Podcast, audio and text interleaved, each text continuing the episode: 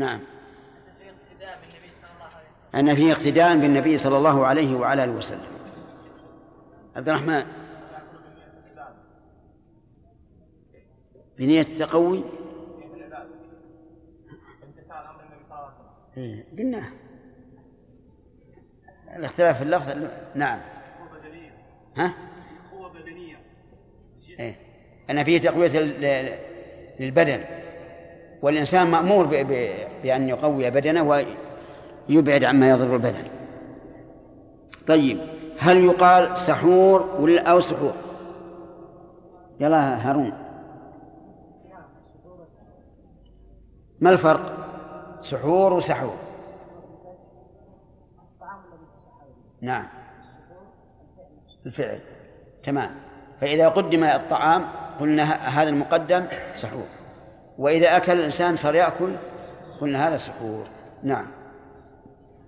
ما هو الأفضل أن يفطر عليه؟ سعد؟ على رطب فإن لم يجد؟ فإن لم يجد؟ فعلى طيب ما رأيك لو كان الرطب من الفريزر؟ يبرد ها؟ يبرد أولا لا دعني يبرد لما سخن. أوسع يبرد. كيف يبرد؟ هو بارد هو. يسخن. ها. المهم هل يدخل في الحديث إنه على الرطب؟ ما تقولون؟ نعم يدخل. سليم وش عنده؟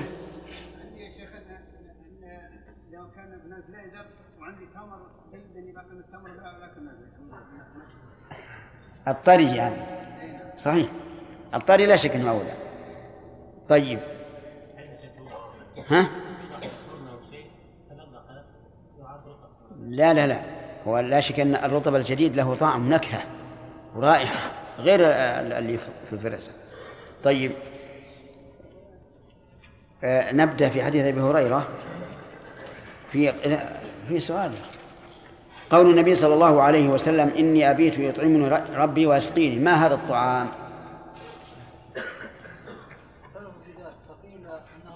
اختلف فيه فقيل حسي طيب حسي منين؟ من طعام الدنيا ولا من طعام الجنة؟ ها؟ من طعام الجنة. طيب. وهذا مردود ينافي الوصال. تمام. كيف من طعام الجنة؟ هذا الأول. ما هو هذا الدنيا نعم. لا هذا ما ما يصير إيش؟ طعام معنوي. طعام معنوي إيش؟ ما هو الطعام المعنوي؟ الرسول صلى الله عليه وسلم من مناجاة ربه في عباده ما يحصل له من انشغال القلب بمناجاة الله تعالى وذكره وهذا شيء لا يكون لغير الرسول صلى الله عليه وعلى آله وسلم. طيب هل لهذا شاهد من أقوال العرب؟ يلا عبد الحميد.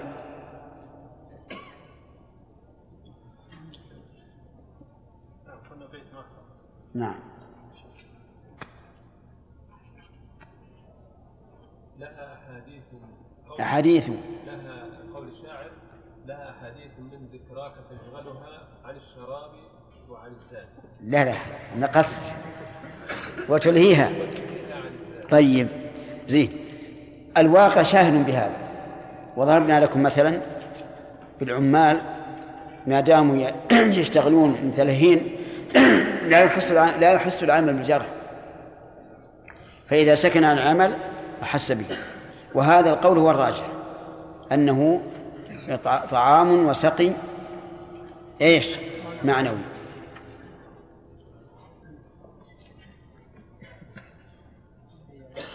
إحنا أنتهينا من الحديث؟ طيب. نعم. قال فلما أبوا.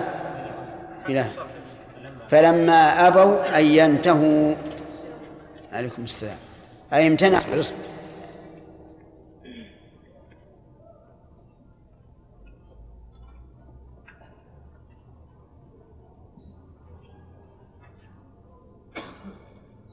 لا أقول لا تكون أن ينتهوا.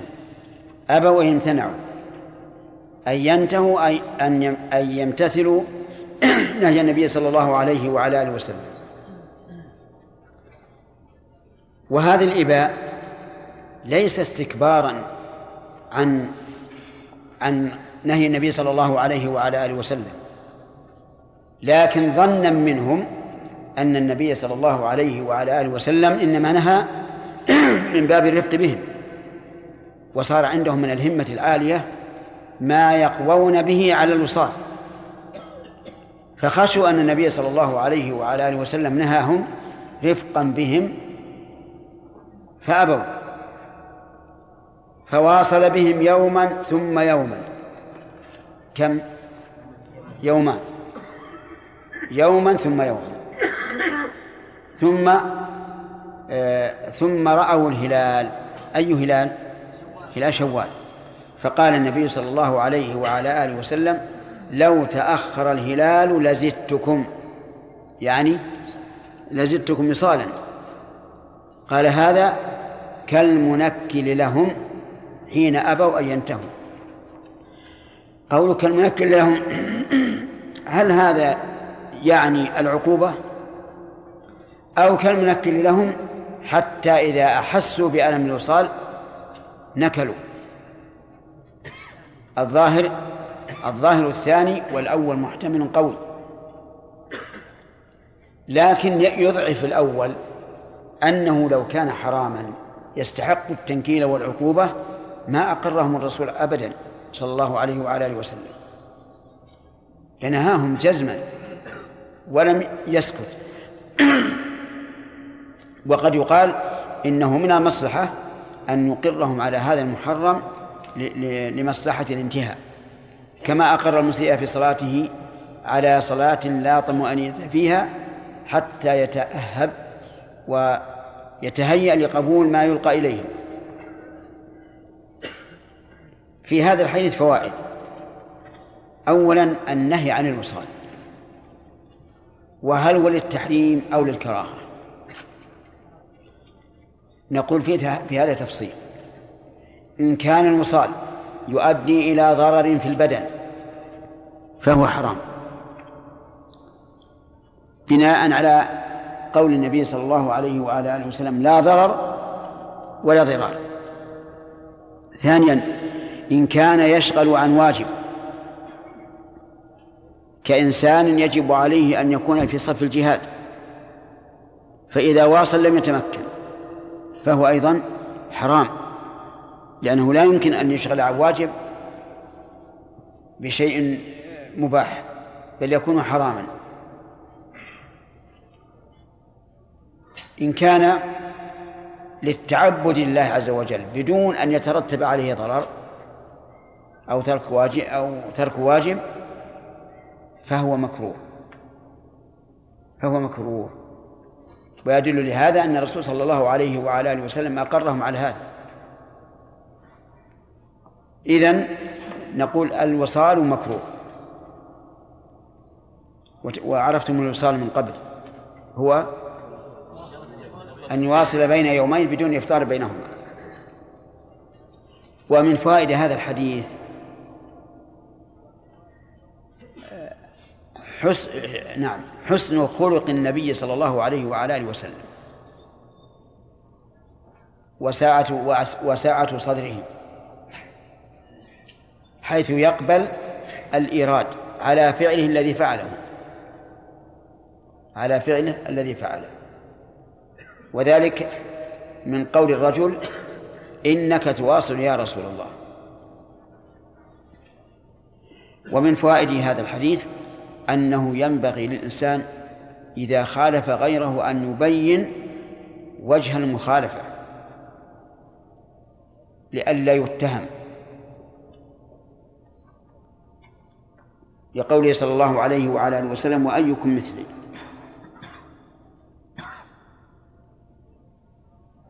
ويؤيد هذا وهي قاعدة مهمة. أن النبي صلى الله عليه وعلى آله وسلم لما خرج من معتكفه يشيع صفية بنت حيي رضي الله عنها مر به رجلان من الأنصار فأسرع أسرع أسرع حياء وخجلا. فقال النبي صلى الله عليه وعلى آله وسلم إنها صفية على رسلكما على رسلكما إنها صفية. فقال سبحان الله يا رسول الله. فقال النبي صلى الله عليه وسلم إن الشيطان يجري من ابن آدم مجرى الدم وإني خشيت أن يقذف في قلوبكما شرا أو قال شيئا. فالإنسان يجب أن يدافع عن نفسه إذا اتهم بما, بما ليس فيه. لا يقول خل دع الذين يتهموني دعهم آه، يحاسبهم الله عز وجل. لا.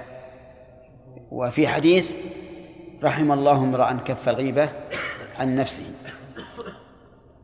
ومن فوائد هذا الحديث جواز ذكر الإنسان ما من الله به عليه من المزايا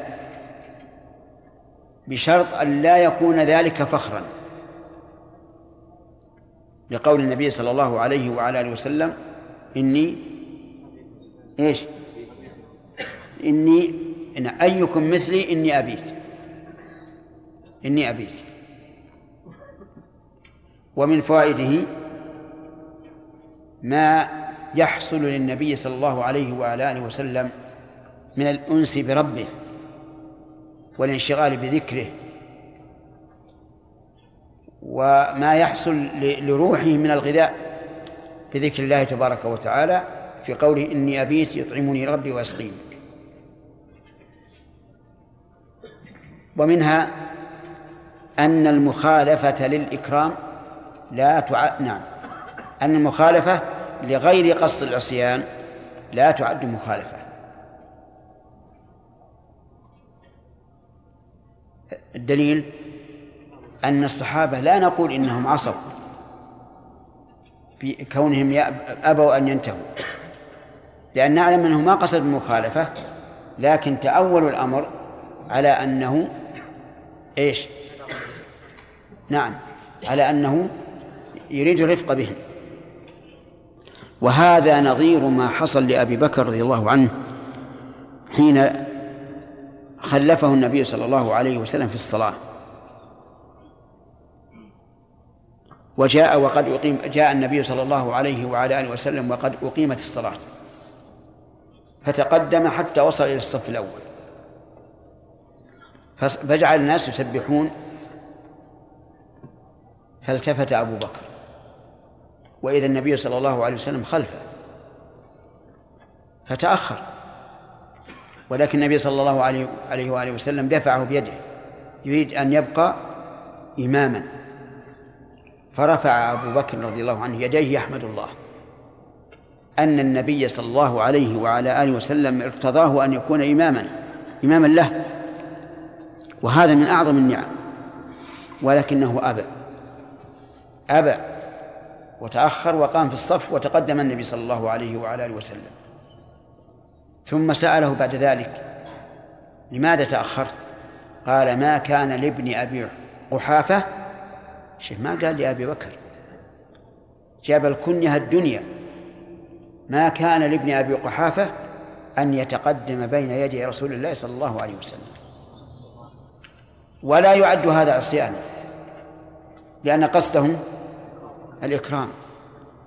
ولهذا أخذ شيخ الإسلام ابن تيمية رحمه الله من هذا أن الإنسان إذا حنث في اليمين إكراما لصاحبه فلا كفارة عليه لأنه لا يعد حانثا وهذه المسألة تأتينا إن شاء الله في الأيمان لكن أنا قصدت بهذا أن من لم يرد المخالفة فإنه لا يعد عاصيا. ومن فوائد هذا الحديث جواز التنكيل بما يقرر الحكم في نفس المخاطب. جواز التنكيل بما يقرر الحكم في نفس المخاطب. وجهه أن النبي صلى الله عليه وسلم واصل بهم حتى يعرفوا الحكمة من النهي هم بأنفسهم. ومن فوائد هذا الحديث جواز استعمال لو لقوله لو تأخر الهلال لزدتكم واعلم أن لو تستعمل استعمالات متعددة فإن قصد بها الندم على ما قضاه الله وقدره فهي منهي عنها. كما في الحديث الصحيح أن النبي صلى الله عليه وعلى آله وسلم قال المؤمن القوي خير وأحب إلى الله من المؤمن الضعيف. وفي كل خير. احرص على ما ينفعك واستعن بالله ولا تعجز. وإن أصابك شيء فلا تقل لو أني فعلت كذا لكان كذا وكذا. فإن لو تفتح عمل الشيطان. ولكن قل قدر الله وما شاء فعل. هذا الذي قال لما وقع الأمر على خلاف ما يريد قال لو أني فعلت كذا لكان كذا. الحامل له على ذلك ما هو؟ الندم على ما وقع. هذا منهي عنه. وهو أيضا ضار بالإنسان. لأنه إذا قال هذا فتح عمل الشيطان على نفسه. وصار دائما ليت ما فعلت ليت ما فعلت. فإذا قال قدر الله أي هذا قدر الله وما شاء فعل انحسم الموقف. هذه واحدة. حال الثانية أن تكون لمجرد الخبر. مثل أن تقول لصاحبك لو زرت لو زرتني لأكرمتك. يجوز أو لا يجوز؟ يجوز. كيف؟ لو زرتني لأكرمتك. نعم. يجوز أو لا يجوز؟ يجوز. ومن هذا الحديث. لو تأخر الهلال لزدتكم. الثالث طيب ومن ذلك أيضا قول النبي صلى الله عليه وسلم حينما أمر أصحابه الذين لم يسوقوا الهدي في حجة الوداع أن يجعلوا حجهم عمرة. ولما رآهم تأثروا قال لو استقبلت من أمري ما استدبرت ما سقت الهدي. هذا خبر وليس المقصود به الندم على ما حصل. هذا خبر. وصدق رسول الله صلى الله عليه وعلى آله وسلم. لو علم أنه سيكون من اصحابه هذا التأثر. ما ساق الهدي ولا أحل معه. الرابع أن تكون في تمني الخير. كقول القائل وهو فقير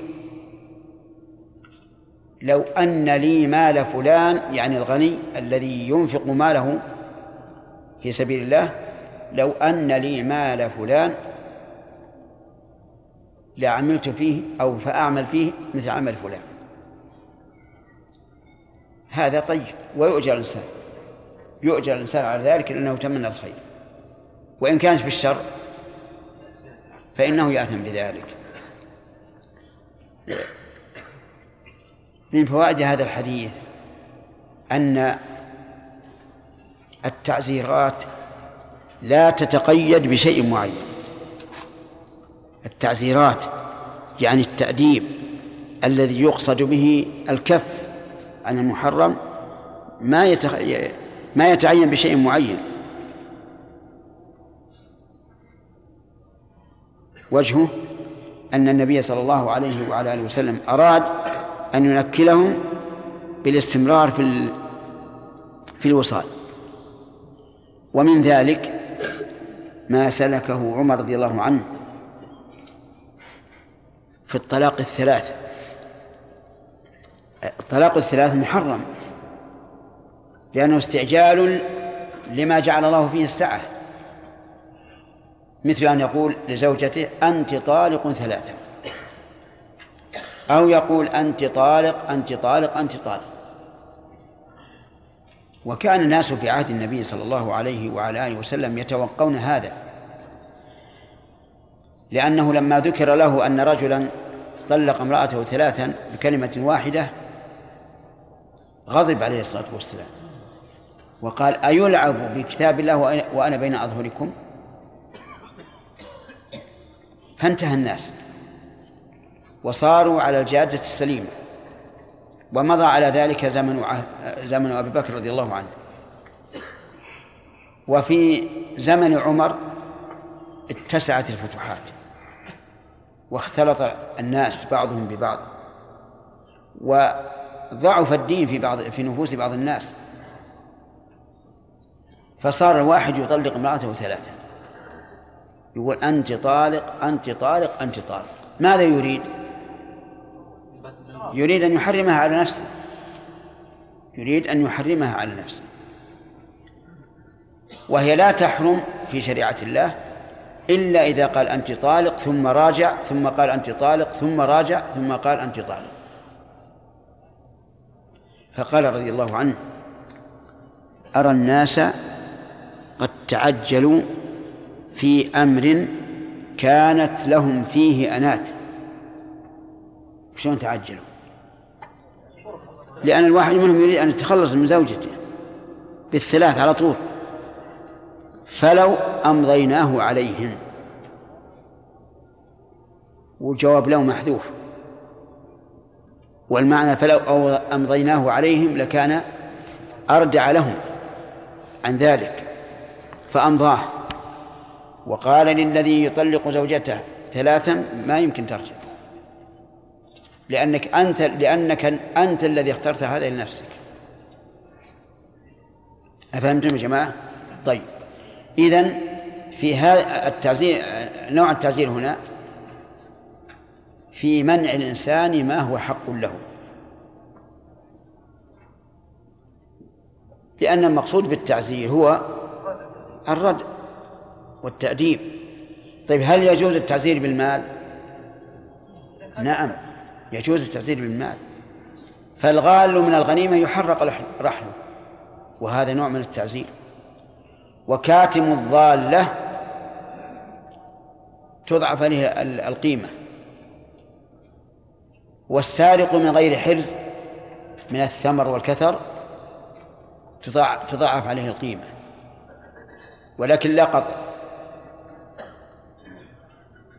فهذه قاعدة ينبغي أن نعرفها وأن التعزير لا يتعين بنوع معين. طيب وهل يتحدد بكم بكم معين؟ ينظر. إذا كان جنسه قد شرع فيه الحد فإنه لا يتجاوز به الحد.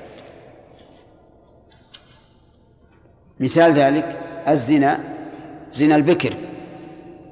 ما عقوبته؟ أن يجلد مئة جلدة ويغرب سنة. يعني لو زنى إنسان شاب ما تزوج. يجلد مئة جلدة ويغرب سنة. لو أننا رأينا شخصا يأوي إلى امرأة كل ليلة لكن لا يفعل الفاحشة يراجعها ويباشرها إلا أنه لا يزني. هل لنا أن نقول يجلد مئة جلدة؟ لا لا ليس لنا هذا. لأن الله حدد مئة جلدة للزاني وهذا لم يزني. والمعصية من جنسه. فما كان من المعاصي جنسه فيه حد فإنه لا يبلغ به الحد. وأما المعاصي العامة اللي ما ليس ليس في جنسها حدود فلولي الأمر أن يفرض من الحدود من من العقوبة أن يفرض من العقوبة ما يرى أنه رادع للناس. ومن ذلك على قول الراجح حد الخمر. أكثر العلماء على أن عقوبة شارب الخمر حد. والراجح الذي لا ينبغي أن يمتري فيه الإنسان عند التأمل أن عقوبة شارب الخمر ليست حدا. الدليل. أولا في عهد النبي عليه الصلاة والسلام يؤتى بشارب الخمر ويقوم الناس يضربونه. اللي يضرب بثوبه؟ واللي يضرب بالجريدة؟ واللي يضرب بالنعل؟ نحو أربعين جلدة. لو كان الحد أربعين جلدة لتولى ذلك الإمام. وضبط العدد. ثانيا لما كثر شرب الخمر في الناس في عهد عمر. وسببه ضعف الإيمان. ودخول الناس بعضهم من بعض. دخول الناس بعضهم مع بعض. جمع الناس واستشارهم. قال ما تقولون. فقال عبد الرحمن بن عوف يا أمير المؤمنين.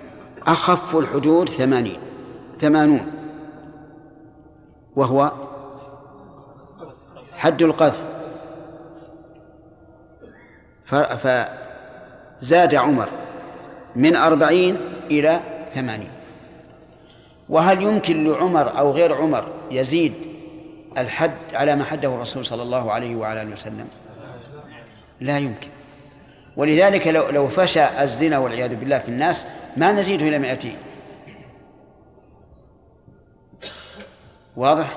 ثم إن قول عبد الرحمن أخف الحدود وسكوت الصحابة على هذا يدل على أن الأمر عندهم واضح أن عقوبة شارب الخمر ليست حدا. ولو كانت حدا لكان أخف الحدود أربعين. وهذا واضح. وهذا في الحقيقة مناسب لوقتنا الحاضر. لأن بعض الناس لا يرجعه ثمانون جلدة. فنقول لولي الأمر اجعلها 160 نعم. أو نقول لك أن تزيد آه، حبسا. يعني يجلد ثمانين ويحبس. مع أن الحد الشرعي يا جماعة ما يمكن يزاد عليه. يعني مثلا الزاني آه، الذي لم يتزوج مئة جلدة. هل يمكن أن نقول إذا كثر الزنا في الناس نقول مئة جلدة وحبس سنة؟ لا يمكن. حد معين. لكن يقول شرب الخمر إنه عقوبة وليست بحد أمكن لولي الأمر أن يقول يجلد ثمانين وإيش؟ ويحبس سنة أو سنتين أو كما يراه راجعا. والحمد لله أن عقوبة شارب الخمر لم تكن حدا حتى يتصرف ولي الأمر بما يرى أنه راجع للناس. ولهذا أيضا كان القول الراجح إذا شرب ثم جلد ثم شرب فجلد ثم شرب فجلد ثم شرب الرابعة فإنه يقتل. قال ابن حزم رحمه الله يقتل فرضا. لأن هذا حد. القتل الآن حد. لكن إن شرب فجدوه ثم إن شرب فجدوه ما, ما بين الرسول عليه الصلاة والسلام كم نجلده أما شيخ الإسلام فتوسط. قال إذا لم ين إذا لم ينته الناس إلا بقتل الشارب في الرابعة كان قتله واجبا. فحمل الحديث على ما إذا لم ينته الناس بدون قتل الشارب في الرابعة. وقوله لا شك أنه وجيه ومتعين والمقصود إصلاح الخلق إصلاح الخلق يا أخوان. ولتفقد نفس أو نفسان أو أكثر. ما دام المقصود إصلاح المجتمع والذي قتل اليوم إن لم إن لم يمت اليوم يموت غدا. لكن الأمة فساد الأمة مو هين. نسأل الله لنا ولكم التوفيق. وهنا سؤال هل نمشي على هذا النحو ولا ولا نمشي على الصيام؟ نعم. زين. نعم. الكبار من الطلبة.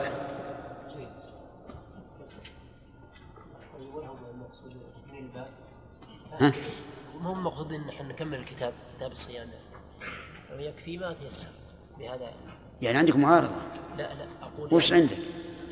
أقول هو المقصود تكميل الكتاب الصيام يعني لو لم نكن يعني عندك موافقة وزيادة التعليل. نعم؟ كذا؟ نعم. بارك الله فيك. طيب. والباقون؟ خالد؟ ها؟ نمشيها على النمط؟ طيب الحمد لله. هو حقيقة المقصود العلم أنا ود أنا أحد من طلاب العلم أهم شيء الفهم. الفهم أهم شيء. ومعرفة القواعد والمصالح الشرعية ومراعاتها هذا أهم شيء. لكن على كل حال بسهل الله إن شاء الله. لا. واحد. سؤال يا شيخ هل في حشر قبل هل؟ حشر في حشر قبل القيامة؟ لا هو يوم القيامة. سؤال يا شيخ هل في حشر قبل هل؟ حشر في حشر قبل القيامة؟ لا هو يوم القيامة. يحشر الناس جميعا. عندنا البلوغ. ها؟ إيش؟ ما في أسئلة. يعني ما في أسئلة.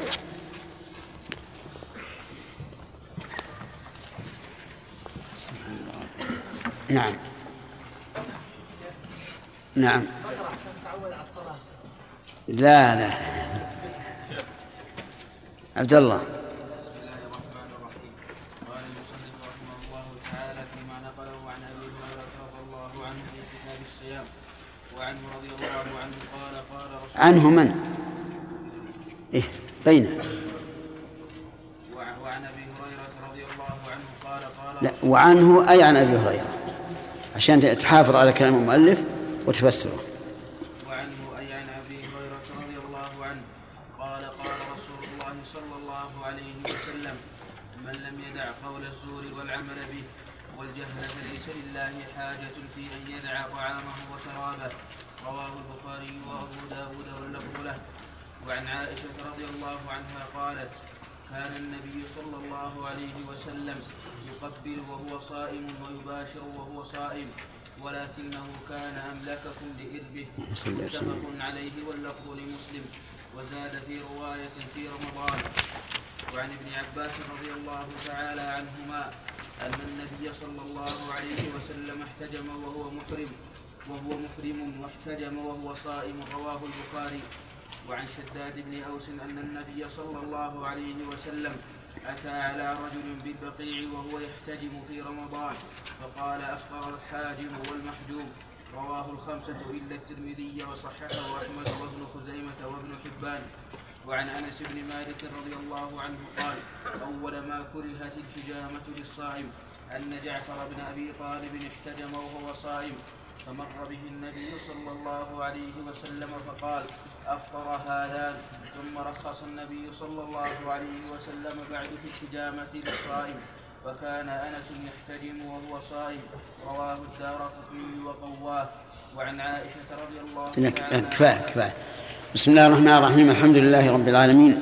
وصلى الله وسلم على نبينا محمد وعلى آله وأصحابه ومن تبعهم بإحسان إلى يوم الدين. قال ابن حجر رحمه الله في بلوغ المرام فيما ساقه من أحاديث الصيام وعنه أي عن أبي هريرة رضي الله عنه.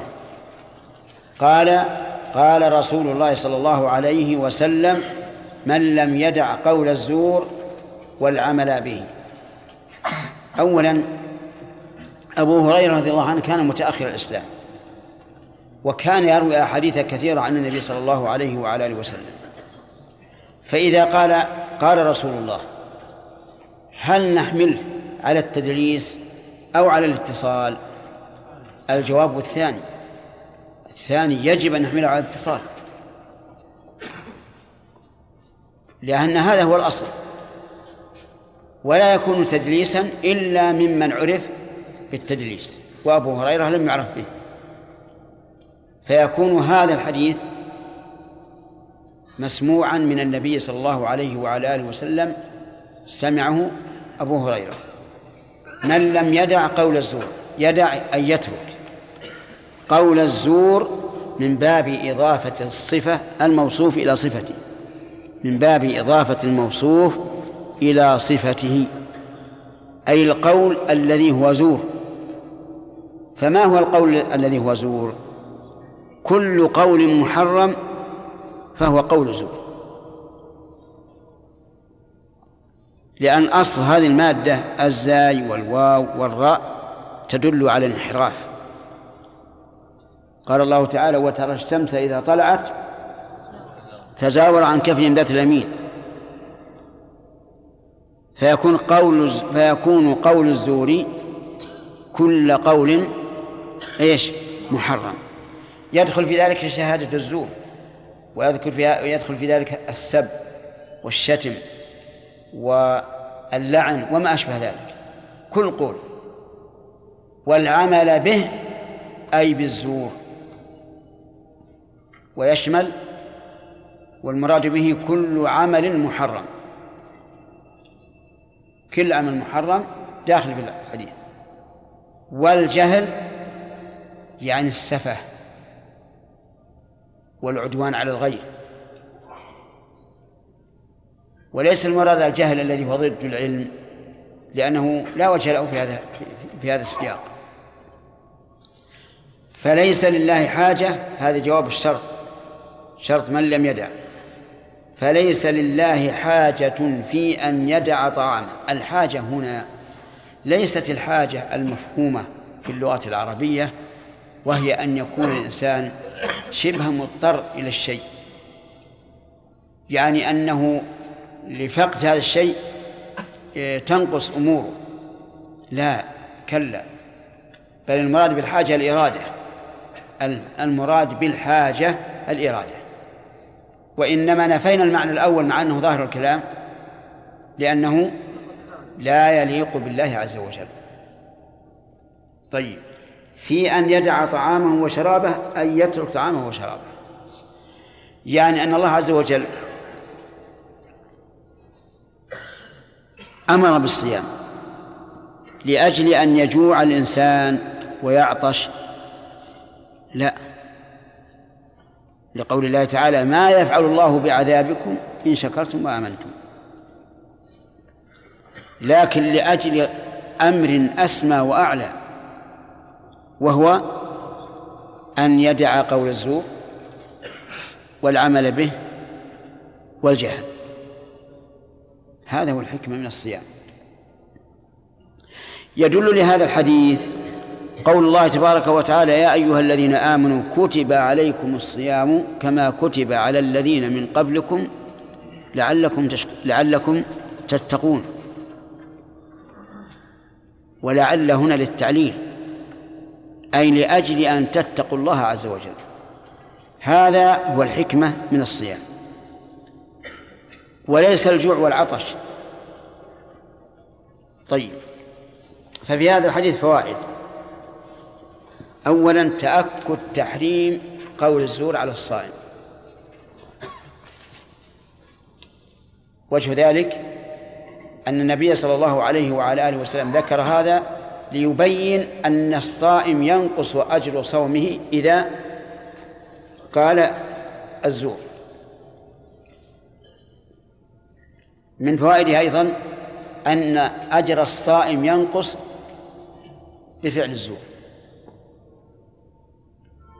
من فوائده أن صوم الصائم ينقص ثوابه بإيش؟ بالجهل على الناس والسفة عليهم. لقوله هو الجهل. من فوائد الآية الكريمة الحديث من فوائد الحديث إثبات الحكمة لله عز وجل في مشروعاته.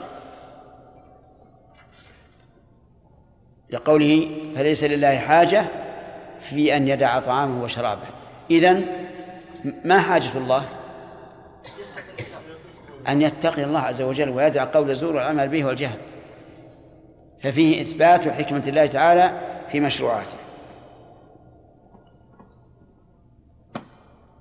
طيب. فإن قال قائل هذه الأشياء محرمة في الصيام وغير الصيام. فما وجه اختصاص ذلك بالصيام؟ فالجواب أنها تزداد إثما إذا وقعت من الصائم. تزداد إثما إذا وقعت من الصائم. وقد روى الإمام أحمد رحمه الله في مسنده بسند ضعيف أن امرأتين في عهد النبي صلى الله عليه وعلى آله وسلم. جلستا جلستا تتحدثان. تغتابان الناس.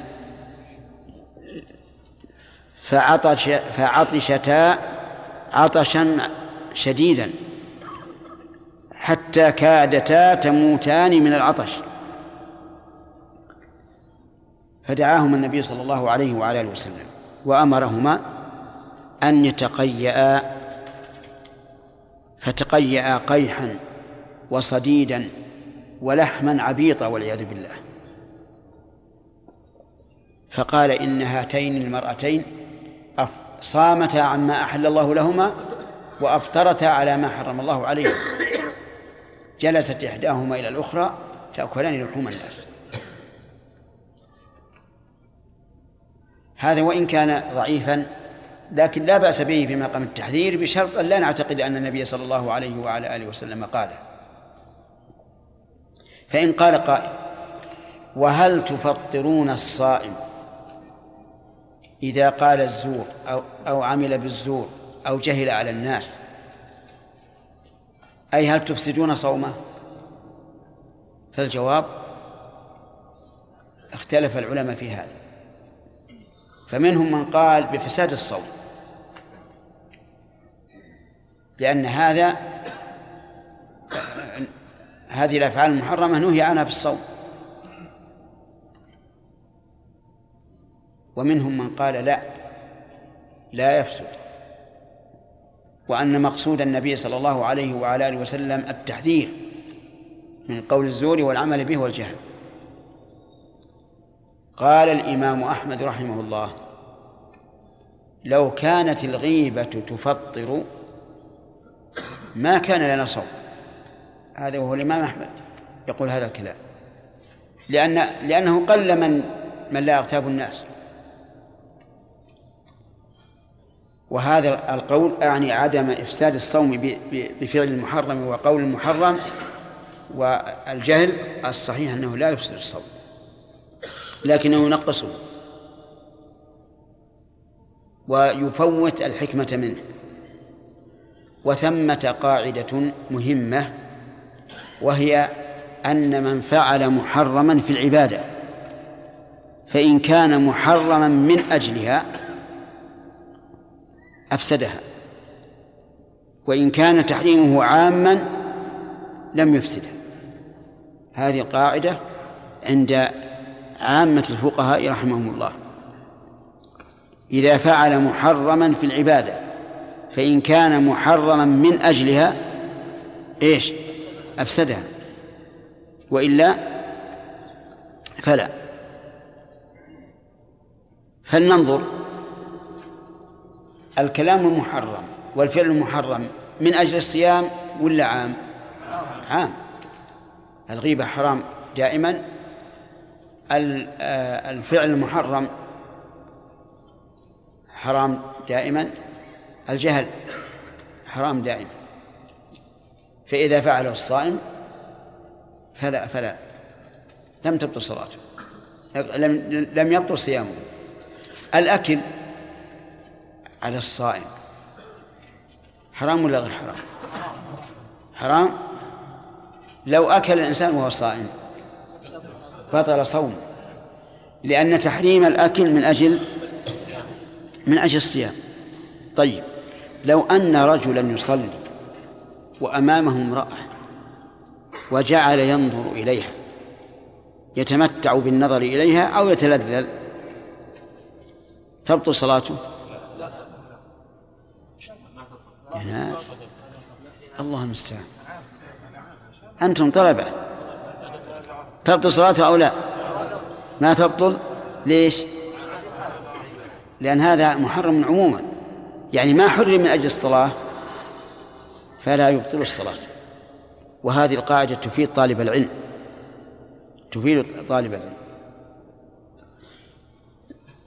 ثم قال وعن عائشة رضي الله عنها قالت كان النبي صلى الله عليه وسلم يقبل وهو صائم.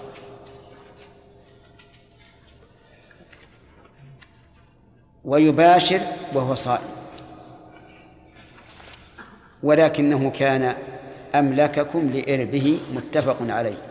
وفي رواية واللفظ لمسلم وزاد في رواية في رمضان. كان يقبل.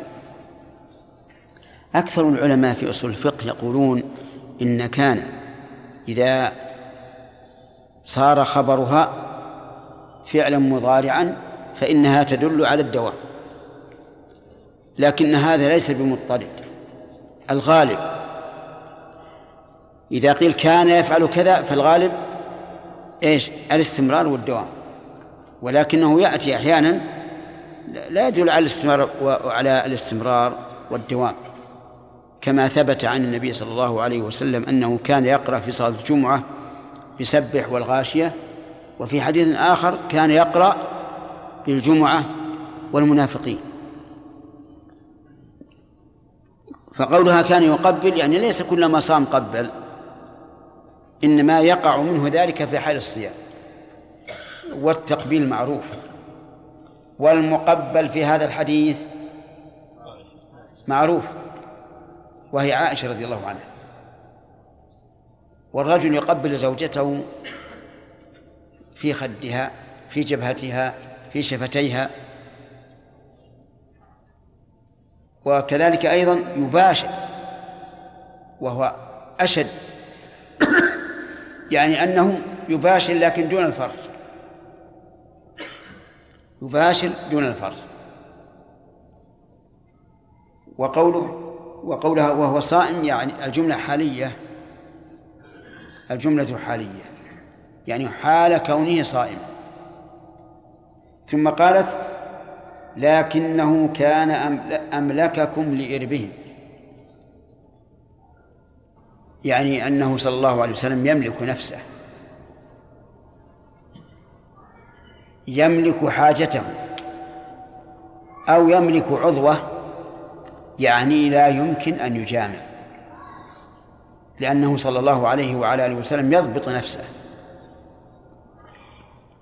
وصدقت رضي الله عنها فإن النبي صلى الله عليه وسلم أملك البشر لإربه مع أنه كان يقول حبب إلي من دنياكم النساء والطيب. وكان ربما يدور على نسائه بغسل واحد ومع ذلك يملك إربه فلا يمكن أن يقع في محرم فإن نعم ناخذ الفوائد الآن أو أسئلة فيصل بالنسبة للصائم هل قول الزور في الليل في ليل الصيام أشد النهار النهار أشد منه أو أخف؟ شلون يعني؟ الناس يعني يقول الغيبة مثلا في الليل أخف من النهار عن الطعام والشراب. نعم. تكون أشد عن إذا كان يعني يأكل ويشرب؟ لا لا إذا كان صائم لأن الصوم عبادة. والحكمة من العبادة من من الصوم هو كف الإنسان عما حرم الله. هل يطلق على الإنسان الصائم في الليل إذا كان في رمضان؟ لا لا. يعني لا. شهر رمضان شهر تعبد وتقرب لله. شهر الصيام. شهر الصيام. إيه وشهر القيام. بالنهار يصير مقيم. لا على كل حال المقصود إن الصيام الحكمة منه الكف عن المحرمات. ويدل على أن الزمان يعني قد تتفاوت فيه المعاصي. ما في شك.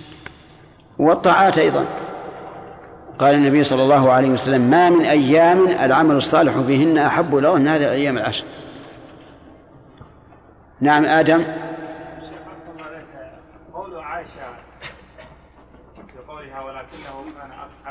بإذنه نعم. على الناس بفعلهم هذا حال النبي صلى الله عليه وسلم سيأتي بعد إن شاء الله. هذا في الفوائد. نعم. أي نعم. أنت.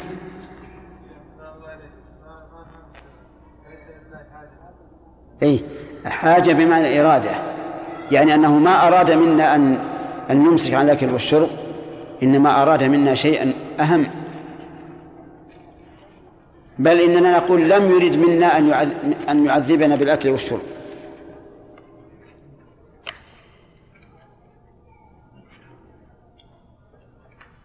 شيخ أحسن الله البادية يعني لا يصومون في الراديو في لا إيش؟ لا يصومون يعني لا يصومون في الرؤية العامة في الدولة. وعندهم مشايخ وهؤلاء المشايخ هم أيضا جهل. لا يعرفون الأدلة لكن هم يرون أن هؤلاء أعلم الناس وأتقى الناس. وكيف يرى هؤلاء يعني صومهم هم يصومون والتابعين وما يسمعون يعني هؤلاء عوام عندهم مشايخ يرون أن المشايخ هم أع- أعلم الناس. فلا يصومون إذا إذا صامت الدولة. يجب أن ينهى أن ينهوا عن هذا. وش هذا السبب؟ إنك لا تهدي من أحببت. بين لهم. إن كان معهم فصم صوم صحيح يعني. أي معلوم. ما دام من الدولة.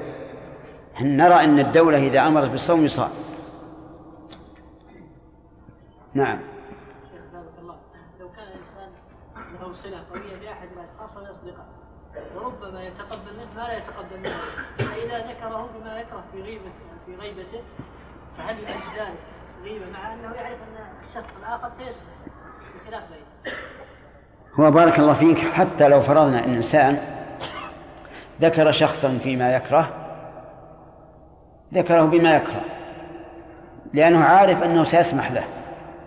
لكن هل يسمح للآخرين لو اغتابوه قياسا على فعل الرجل؟ نعم. إذا معناه أن أن الرجل إذا سب أخاه يعني اغتابه سيفتح بابا لغيره أن يغتابه. نعم. الله في قول الزور هل يدخل شهادة الزور كذلك؟ أشد. شهادة الزور أعظم ش... أعظم قول في الزور. الرحمن الرحيم. والحمد لله رب العالمين وصلى الله وسلم وبارك على نبينا محمد وعلى آله وصحبه أجمعين. نقل المصنف نقل المصنف رحمه الله تعالى في كتاب الصيام عن ابن عباس رضي الله تعالى عنهما أن النبي صلى الله عليه وسلم احتجم اللهم صل وسلم عليه. واحتجم وهو صائم رواه البخاري. وعن شداد بن أوس رضي الله عنه أن النبي صلى الله عليه وسلم آتى على رجل بالبقيع وهو يحتجم في رمضان فقال أفطر الحاجم والمحجوم. رواه الخمسة إلا الترمذي وصححه أحمد وابن خزيمة وابن حبان وعن أنس بن مالك رضي الله عنه قال أول ما كرهت الحجامة للصائم أن جعفر بن أبي طالب احتجم وهو صائم. فمر به النبي صلى الله عليه وسلم فقال أفطر هذان. ثم رخص النبي صلى الله عليه وسلم بعد في الحجامة للصائم وكان أنس يحتجم وهو صائم. رواه الدار قطني وقواه. وعن عائشة أن النبي صلى الله عليه وسلم احتفل في رمضان وهو صائم. رواه ابن ماجه بإسناد ضعيف. قال الترمذي لا يصح في هذا الباب شيء. وعن أبي هريرة بسم الله الرحمن الرحيم. الحمد لله رب العالمين. وصلى الله وسلم على نبينا محمد وعلى آله وأصحابه ومن تبعهم بإحسان إلى يوم الدين. آه، ما هي الحكمة في فرض الصوم؟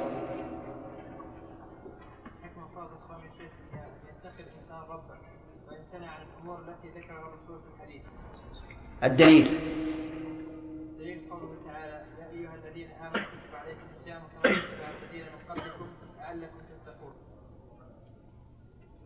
وترك الأشياء الثانية. الحديث ما هو؟ يحيى. حديث ابي هريره إن النبي صلى الله عليه وسلم قال من لم يدع قول الزور والعمل به والجهل فليس لله حاجة في أن يدع طعامه وشرابه. نعم. رواه البخاري. أحسن. طيب. آه، مر علينا في الحديث أن شرع تشريعات أو أن المشروعات لا بد لها من حكمة إما معلومة أو مجهولة. من جلال الحديث آه، ال- ال- الذي معناه؟ لماذا قول الزور؟ ما أدري. عين. حديث السعود إنه مر علينا مر علينا أن الله سبحانه وتعالى لا يشرع شيئا إلا حكمة. من الأحاديث التي شرحناها قبل. هذا الدرس حديث السعود تسحروا فإن في السحور بركة نعم. قول النبي صلى الله عليه وسلم فليس لله حاجة قول من لم يدع قول الزور فليس لله حاجة في أن يدع طعامه وشرابه. نعم. في حديث عائشة انتهينا أظن منه. إيه، طيب. بسم الله الرحمن الرحيم. في حديث عائشة كان النبي صلى الله عليه وعلى آله وسلم يقبل وهو صائم ويباشر وهو صائم ولكنه كان أملككم لإربه متفق عليه.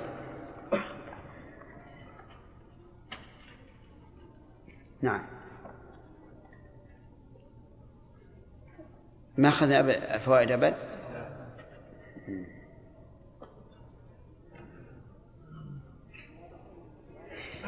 في هذا الحديث من الفوائد جواز تقبيل الصائم زوجته ومباشرتها. وجه ذلك أن النبي صلى الله عليه وعلى آله وسلم كان يفعله. والأصل فيما فعله النبي صلى الله عليه وعلى آله وسلم أنه حلال.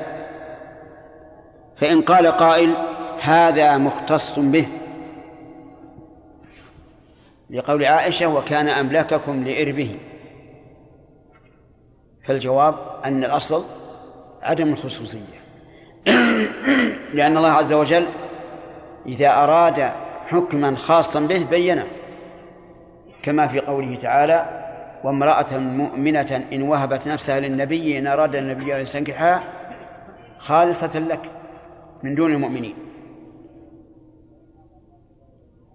ولما قال الله تبارك وتعالى له في تزوج زوجة دعيه زيد بن حارثة قال لكي لا يكون على المؤمنين حرج في أزواج أدعيائهم مع أن الفعل فعل النبي صلى الله عليه وعلى آله وسلم لكن فعله فعل للمؤمنين. ومن فائدة هذا الحديث جواز المباشرة. المباشرة بالعضو. عضو التناسل ومن فوائده الاحتراز. عما يظن فيه ما لا ما لا يراد. لقولها رضي الله عنها وكان أملككم لإربه. لئلا يقول قائل المباشرة والتقبيل جائز جائزان من كل إنسان. فيقال من لا يملك نفسه لا يحلان له سدا للذرائع وأما من عرف نفسه فلا بأس أن يفعل. ومن فوائد هذا الحديث أن هذا الفعل كان من النبي صلى الله عليه وعلى آله وسلم في رمضان. وإنما نصت على أنه في رمضان لئلا يقول قائل لعله في نفل والنفل يجوز أن يمضي فيه الإنسان أو يقطعه. فنصت على أنه في رمضان حتى لا يتوهم واهم أنه في نفل إن شاء أمضاه وإن شاء قطعه. ومن فوائد هذا الحديث ما ذكره بعضهم وهو أن إنزال المني لا يفطر والمذي لا يفطر. قالوا لأن من فعل مثل هذا فالغالب أنه يخرج منه شيء لا سيما إذا كان شابا أو أعطاه الله القوة في هذه الأمور. ولكن هذا قول مردود.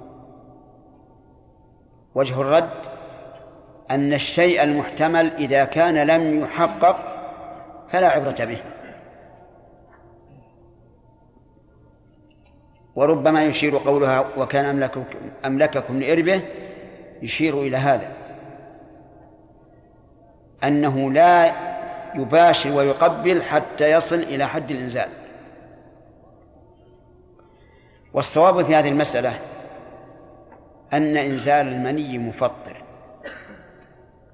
وأما إنزال المذي فليس بمفطر. وجه ذلك أن إنزال المني من الشهوة بلا شك. وقد قال الله تعالى في الحديث القدسي يدع طعامه وشرابه وشهوته من أجله. وفي الصحيح عن النبي صلى الله عليه وعلى آله وسلم أنه قال في بضع أحدكم صدقة؟ قالوا يا رسول الله أيأتي أحدنا شهوته ويكون له في أجر؟ قال أرأيتم لو وضعها في حرام أكان عليه وزر؟ فكذلك إذا وضعها في الحلال كان له أجر. استدل بعض الناس أنه يسن للصائم أن يقبل ويباشر. يسن. يعني على كلامهم ينام مع أهله من بعد صلاة الفجر إلى الظهر. نعم. وهو معها يتدحرج. لكن هذا قول ضعيف جدا. لأن المقصود هو بيان الجواز فقط.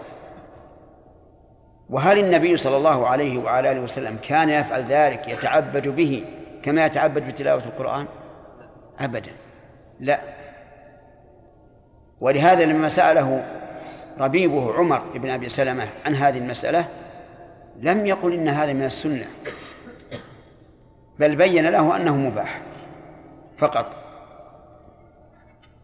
فالصواب أنه مباح بشرط أن لا يخشى على نفسه من الجرأة على الجماع أو أن يتمكن من الإنزال. فإن خشي على على نفسه من ذلك فسد الذرائع واجب. وعن ابن عباس رضي الله عنهما أن النبي صلى الله عليه وعلى آله وسلم احتجم وهو محرم واحتجم وهو صائم. رواه البخاري. احتجم وهو محرم. جملة وهو محرم. حال من فاعل احتجم. والحجامة هي استخراج الدم الفاسد من البدن بطريقة معينة معروفة. وكانوا فيما سبق يحجمون بالآلات البدائية. يكون هناك قارورة قارورة لها أنبوب صغير. فيشق الحاجم الجلد. ثم يضع القارورة عليه. ثم يمسها بواسطة الأنبوب حتى يتفرغ الهواء منها. ثم يسدها. يسد إيش؟ الأنبوبة. فيخرج الدم. يخرج الدم فإذا امتلأت هذه القارورة سقطت.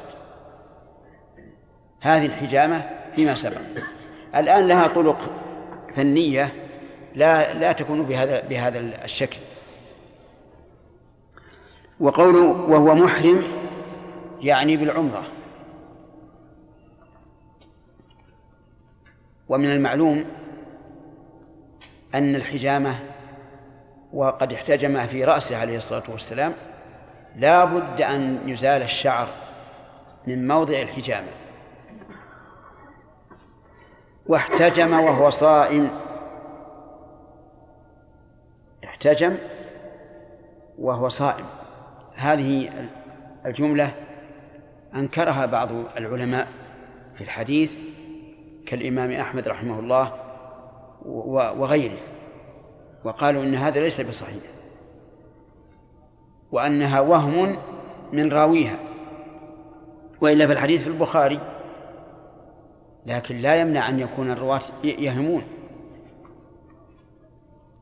والأصل فيما رواه البخاري أنه صحيح حتى يقوم دليل بين على أنه ضعيف.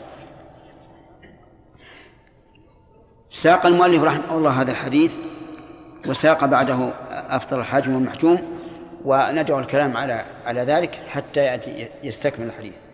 وعن شداد بن أوس أن النبي صلى الله عليه وعلى آله وسلم أتى على رجل بالبقيع وهو يحتجم في رمضان.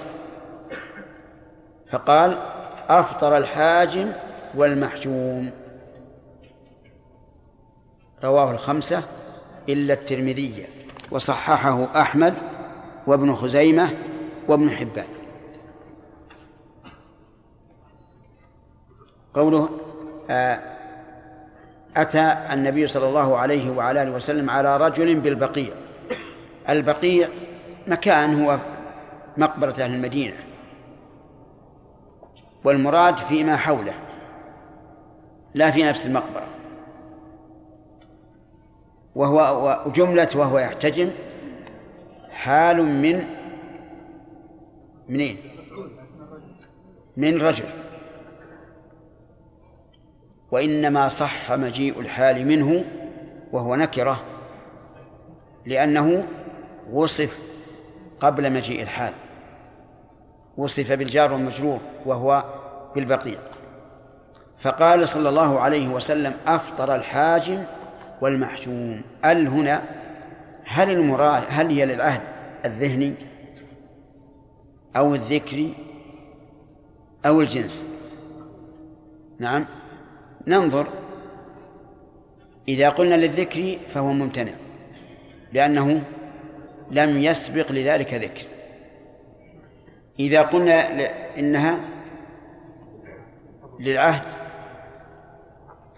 الحضوري يعني الحاجم هذا والمحجوم هذا.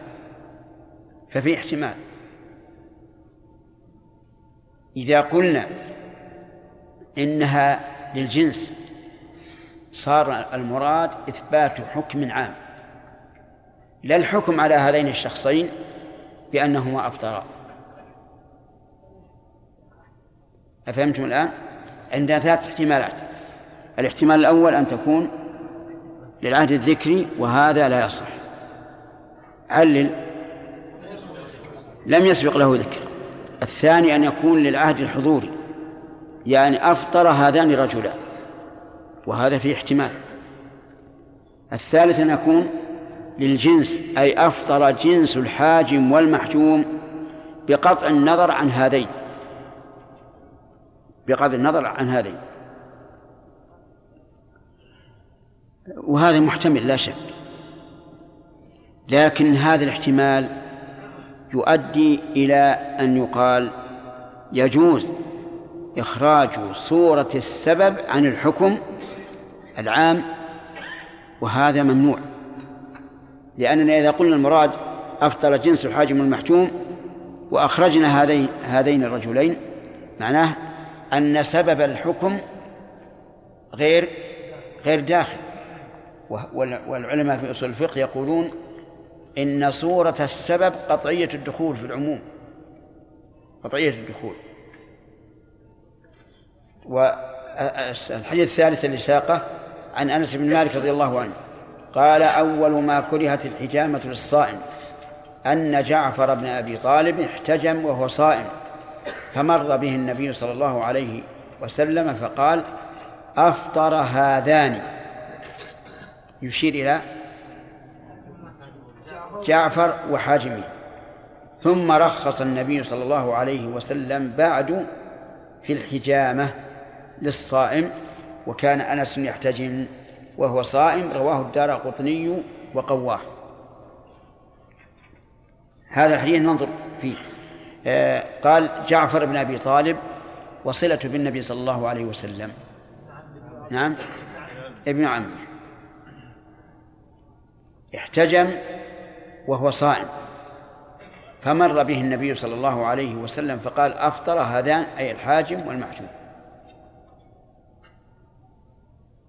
لأنهما كانا صائمين. ثم رخص النبي صلى الله عليه وعلى آله وسلم بعد أي بعد هذا القول في الحجامة للصائم. وكان أنس رضي الله عنه وهو الحديث يحتجم وهو صائم.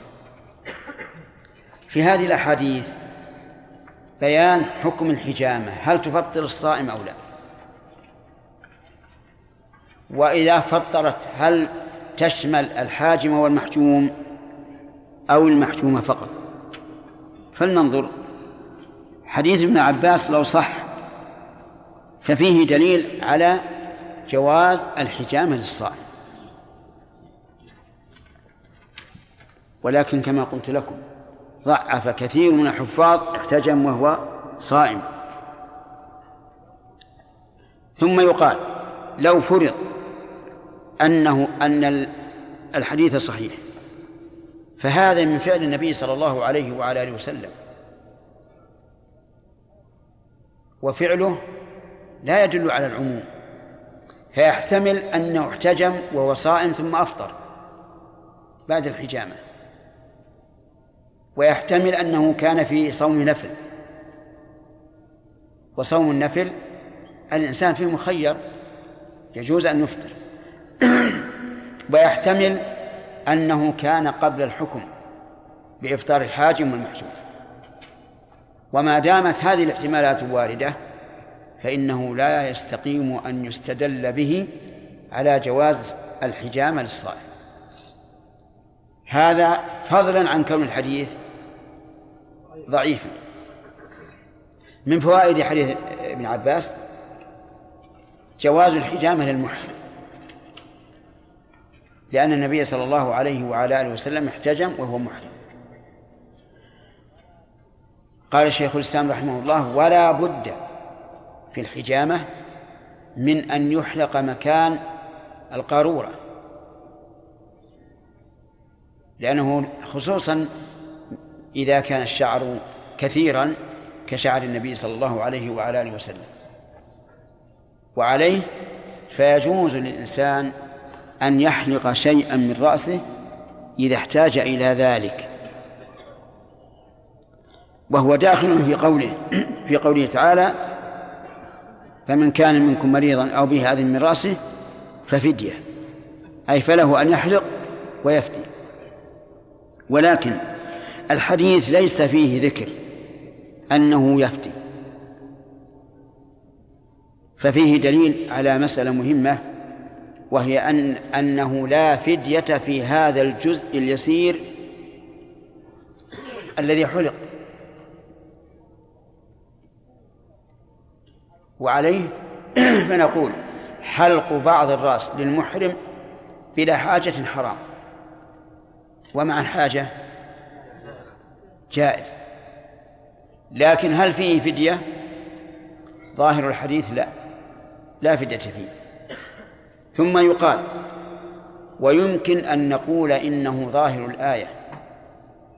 لقوله تعالى ولا تحلقوا رؤوسكم حتى يبلغ الهدي محله فمن كان منكم مريضا أو بهذه من رأسه ففدية والكلام هنا على حلق الرأس كله. فيكون فيكون على هذا. حلق ما ما كان دون الأكثر لا, لا ليس فيه فدية لكنه حرام إلا لحاجة. وقال الإمام مالك رحمه الله إذا أزال ما ما يميط به الأذى فإنه يعني إذا حلق إذا حلق ما يميط به الأذى وجبت الفدية وإلا فلا. وهذا يقتضي أن يحلق جزءا كبيرا من الرأس.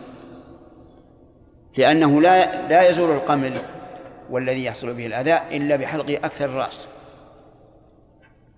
وهذا القول هو المختار. أنه لا تتعلق الفدية إلا بحلق أكثر الرأس.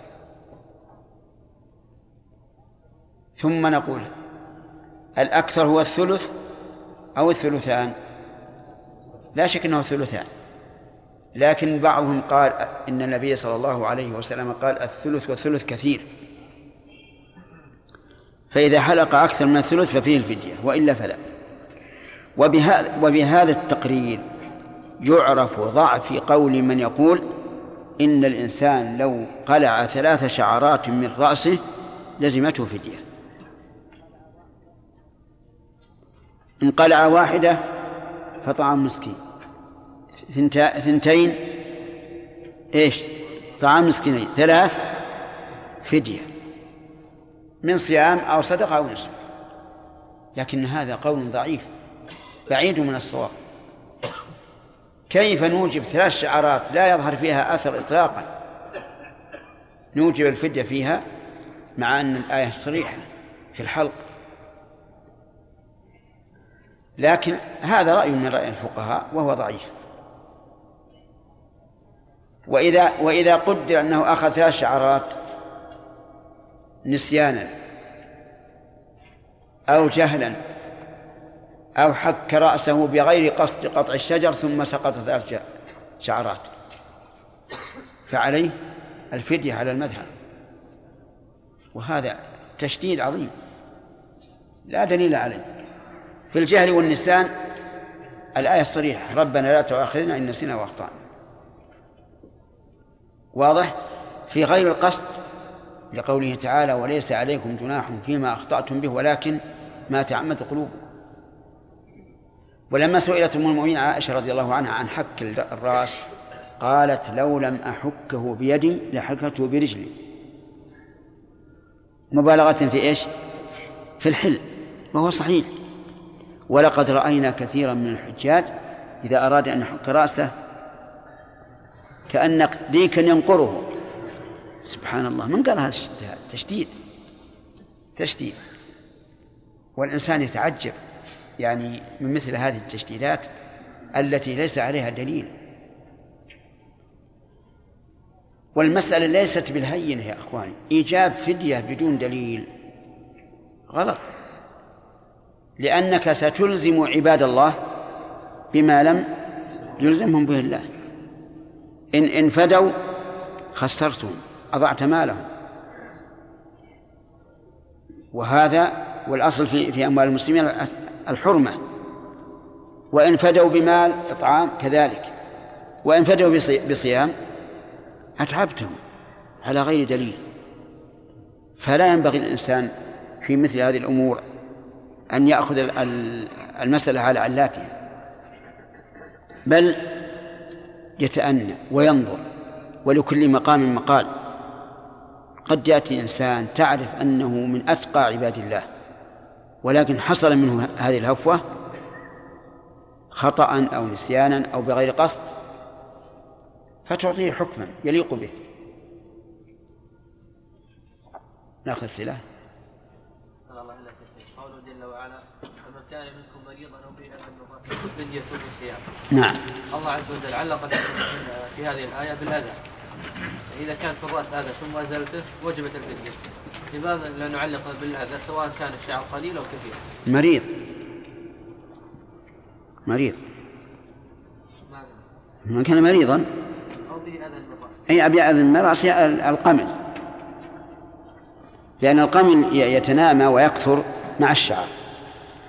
فإذا حلق زاد. نعم. كذلك غير القمل ربما يكون أذى غير القمل شعر قليل نعم. قليل أو كثير؟ لا لا تجي في القليل. الدليل أن النبي صلى الله عليه وعلى آله وسلم احتجم ولم ولم يفتي عدم عدم ما هو نقل لا في في في إذا كان ذلك قد سيق لبيان الحكم فهو نقل فهو كنقل العدم ثم الآية لا تحلقوا رؤوسكم. لم يقل لا تحلقوا من رؤوسكم. الرؤوس ما نحلقها. في الآية الأخرى محلقين رؤوسكم. فلا نوجب الفدية إلا بالكل أو على الرأي الثاني إذا حصل الأكثر تجب الفدية. نعم يا عبد الحميد. الله إليك. الذين يستدلون بجواز إنزال الملك في الصيام نعم. استدلوا بحديث عائشة. وهو. في الحائض. أنها أتت بجميع ألفاظ الحديث الذي هو في الصيام. أنه كان يباشرني وأنا حائض وكان أملككم لإرثي نعم. كيف يرد على هذا؟ الرد. الرد أنها أن أن أنه كما ذكرنا جعل الله تعالى ترك الشهوة من من خصائص الصيام. لكن يلزم من مباشرة الحائض الإنزال. ما هو على كل حال. ما هو على كل ما يلزم. والناس يختلفون ترى يختلفون اختلافا عظيما بعض الناس بمجرد تفكير يكون عليه جناب وبعض الناس ثقيل يعني طبعا نعم. هل؟ هل يصير عبادة اليومين عبادة واحدة فيفقد اليوم الأول بفساد الآخر أو لا؟ لا الأول ما يفسد بفساد الثاني. نعم الله عليك شيخنا. ال- ذكرنا أنه إذا المحرم له أن يحلق قدر قدر الحاجة من رأسه. نعم. فإذا أراد شخص محرم أن يتأسى بالنبي صلى الله عليه وسلم فيحتجم هو غير محتاج للحجامة في هذا الوقت. نعم. فكيف ننزل عليه أنه محتاج؟ ما يجوز هذا. لا ليس له. ليس له ذلك. وفعل النبي كان عن حاجة. ما فيها شك إنه عن حاجة. نعم. حلق الإنسان جزء من رأسه الحجامة. لا يكون هذا قطع منيعا لحاجة. لحاجة هذا لا بأس به. نعم. شيخ بارك الله فيك يقاس على حجامه مثلا الشجة إذا حصلت في محرم إي نعم. لو حصل عليه الشجة واحتاج إلى حلق الشعر ل- لأجل أن يمضي فيها الدواء فلا بأس. ما شاء انتهيتوا نعم صلى الله عليكم يا شيخ ما الفرق بين المني والمسيح نعم. الفرق؟ الفرق بينهما بعد الأذان إن شاء الله. نعود إلى درس آه، نعم. ها؟ في أسئلة؟ نعم. نعم. كيف؟ يلا اسأل يا آخر واحد.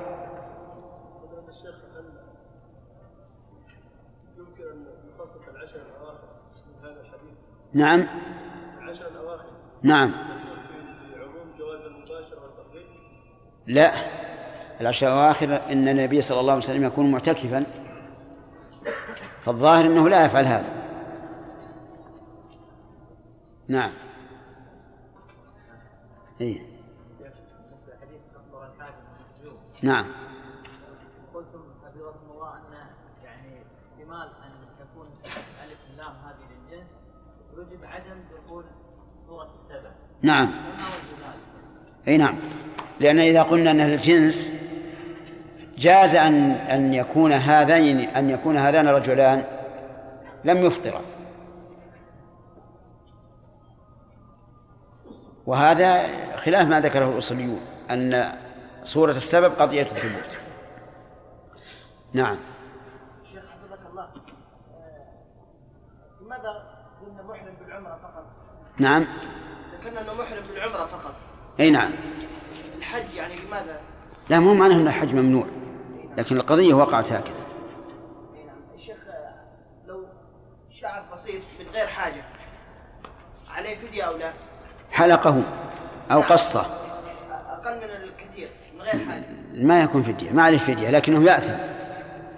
وعلى هذا حلق الرأس في ال- في الإحرام آه، ثلاثة أقسام.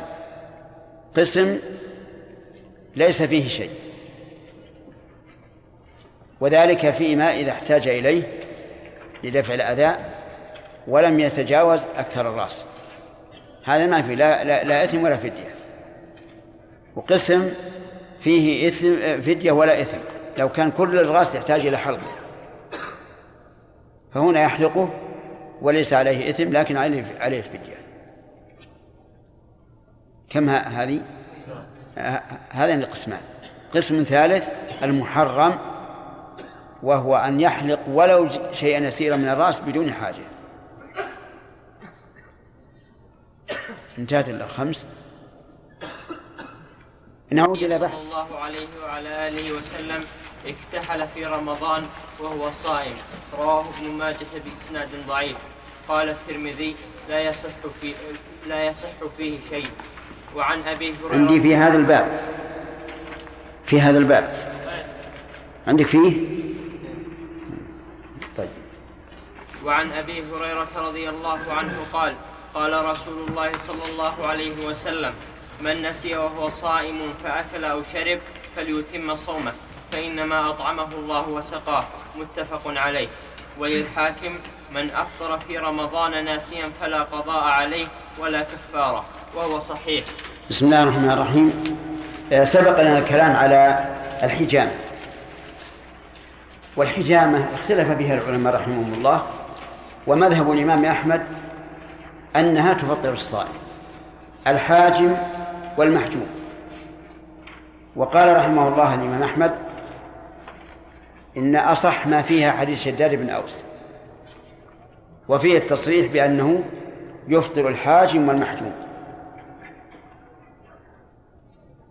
أما المحجوم فإفطاره ظاهر لأنه يسحب منه الدم الذي به قوام البدن. وهذا يؤدي إلى إلى أن يضعف البدن ولا يستطيع المواصلة في الصوم. فكان من رحمة الله أنه إذا احتجم نقول كل واشرب كل واشرب من أجل أن يسترد قوته. أفهمتم؟ هذه الحكمة. ولهذا نقول من كان من احتاج إلى الحجامة في الصوم الواجب قلنا له احجم لأنه يجوز لك الفطر. احجم وكل واشرب ولا شيء عليك. ومن لا يحتاج إليها نقول لا تحتجم يحرم عليك إذا كان الصوم واجبا. وبه وبه علم أن كون الحجامة مفطرة هو من باب التيسير على الصائم وليس من باب التشديد عليه. وأنه مطابق للقواعد كما سيأتي في القيد هذا بالنسبة للمحجوم بالنسبة للحاجم كيف يكون مفطرا؟ بعضهم قال يفطر الحاجم لأنه أعان المحجوم على إفطاره فصار مفطرا بالإثم. بالإثم لا بالفعل. هذا وجه.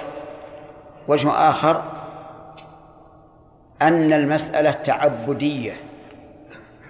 ومعنى التعبدي إيش؟ الذي لا نعقل علته. وليس معناها الذي ليس له علة لا كل شيء له معلل في الأحكام الشرعية.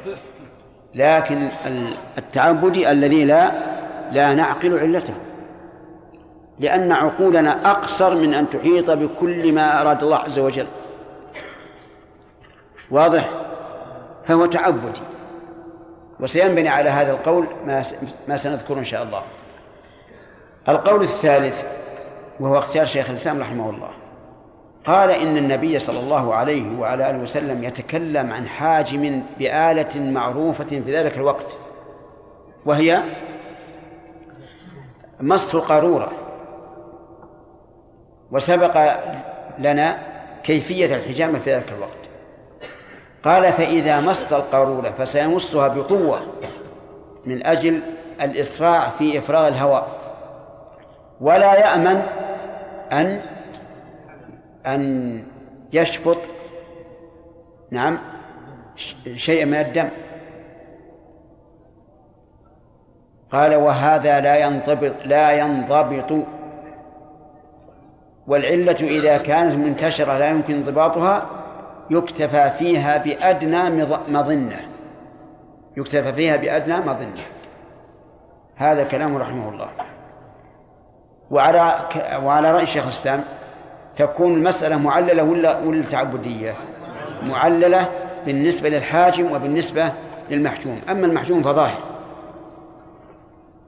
تمام؟ طيب. فإذا قال قائل: أرأيتم لو حجم بطريقة أخرى لا يمس القارورة؟ أيفطر أو لا؟ نقول أما على رأي من يرى أن المسألة تعبدية فإنه يفطر حاجم وهذا يشبه مذهب الظاهرية من بعض الوجوه. الاقتصار على الظاهر بدون أن نعقل العلة. وأما من قال إنه معلل فإنه إذا حجم بغير الطريقة المعروفة في عهد النبي صلى الله عليه وعلى آله وسلم لا يفطر. وما قالوا وهذا هو الصواب بلا شك. هذا هو الصواب. وهنا أسئلة. أولا هل الفصل والشرط مثل الحجامة أو لا؟ أجيبوا الله يمد هل تعرفون الفصل والشرط؟ نعم. يلا قل يا جزاء. الفصل هو شق العرض عرضا والشطر طولا كيف؟ الفصل. شق العرض عرضا. والشرط؟ كيف هكذا؟ هكذا يعني عرض لا أيضا طولا إيه. والشطر عرضا طيب. آه، هل الفصل كالحجامة؟ والشرط كالحجامة؟ أما من قال إن المسألة تعبدية ها يقول لا. أبدا. لو يفصد أو يشرط ويخرج منه دم عظيم فإنه لا يفطر لماذا؟ لأن التعبدية لا يقاس عليه. إذ من شرط القياس أن نعرف العلة حتى نلحق الفرع بالأصل. وما دمنا نقول إن هذا غير معلوم العلة فلا يجوز أن نقيس.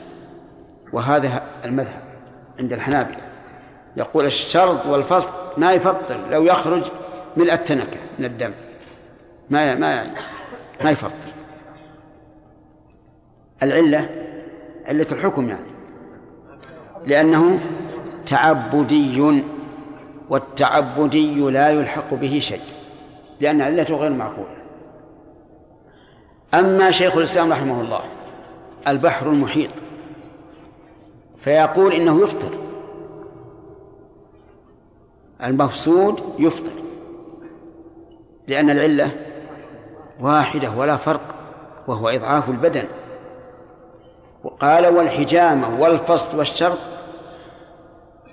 تختلف في بلد عن آخر وفي وقت عن آخر. في بلد قد نقول الأفضل أن تحتجم الأصلح أن تحتجم وفي بلد آخر الأفصح ال- ال- الأصلح أن تفصل وفي الثالث أن تشرب وهكذا في الزمن. والمعنى واحد لأن الغرض من الجميع استخراج الدم الفاسد. وما قاله الشيخ هو الصواب بلا شك. وعلى رأي الشيخ هل الفاصل يفسد صومه أو لا؟ نعم لا يفسد. لماذا؟ لأن العلة التي من أجلها أفطر الحاجم غير موجودة في الشارط والفاصل فلا تفسد. طيب. هذه هاتان مسألتان المسألة الأولى والمسألة الثانية المسألة الثالثة لو أن الإنسان سقط على محدد محدد يعني إيه؟ حاد وانجرح وخرج منه دم كثير هل يفطر أو لا يفطر؟ لا يفطر لا يفطر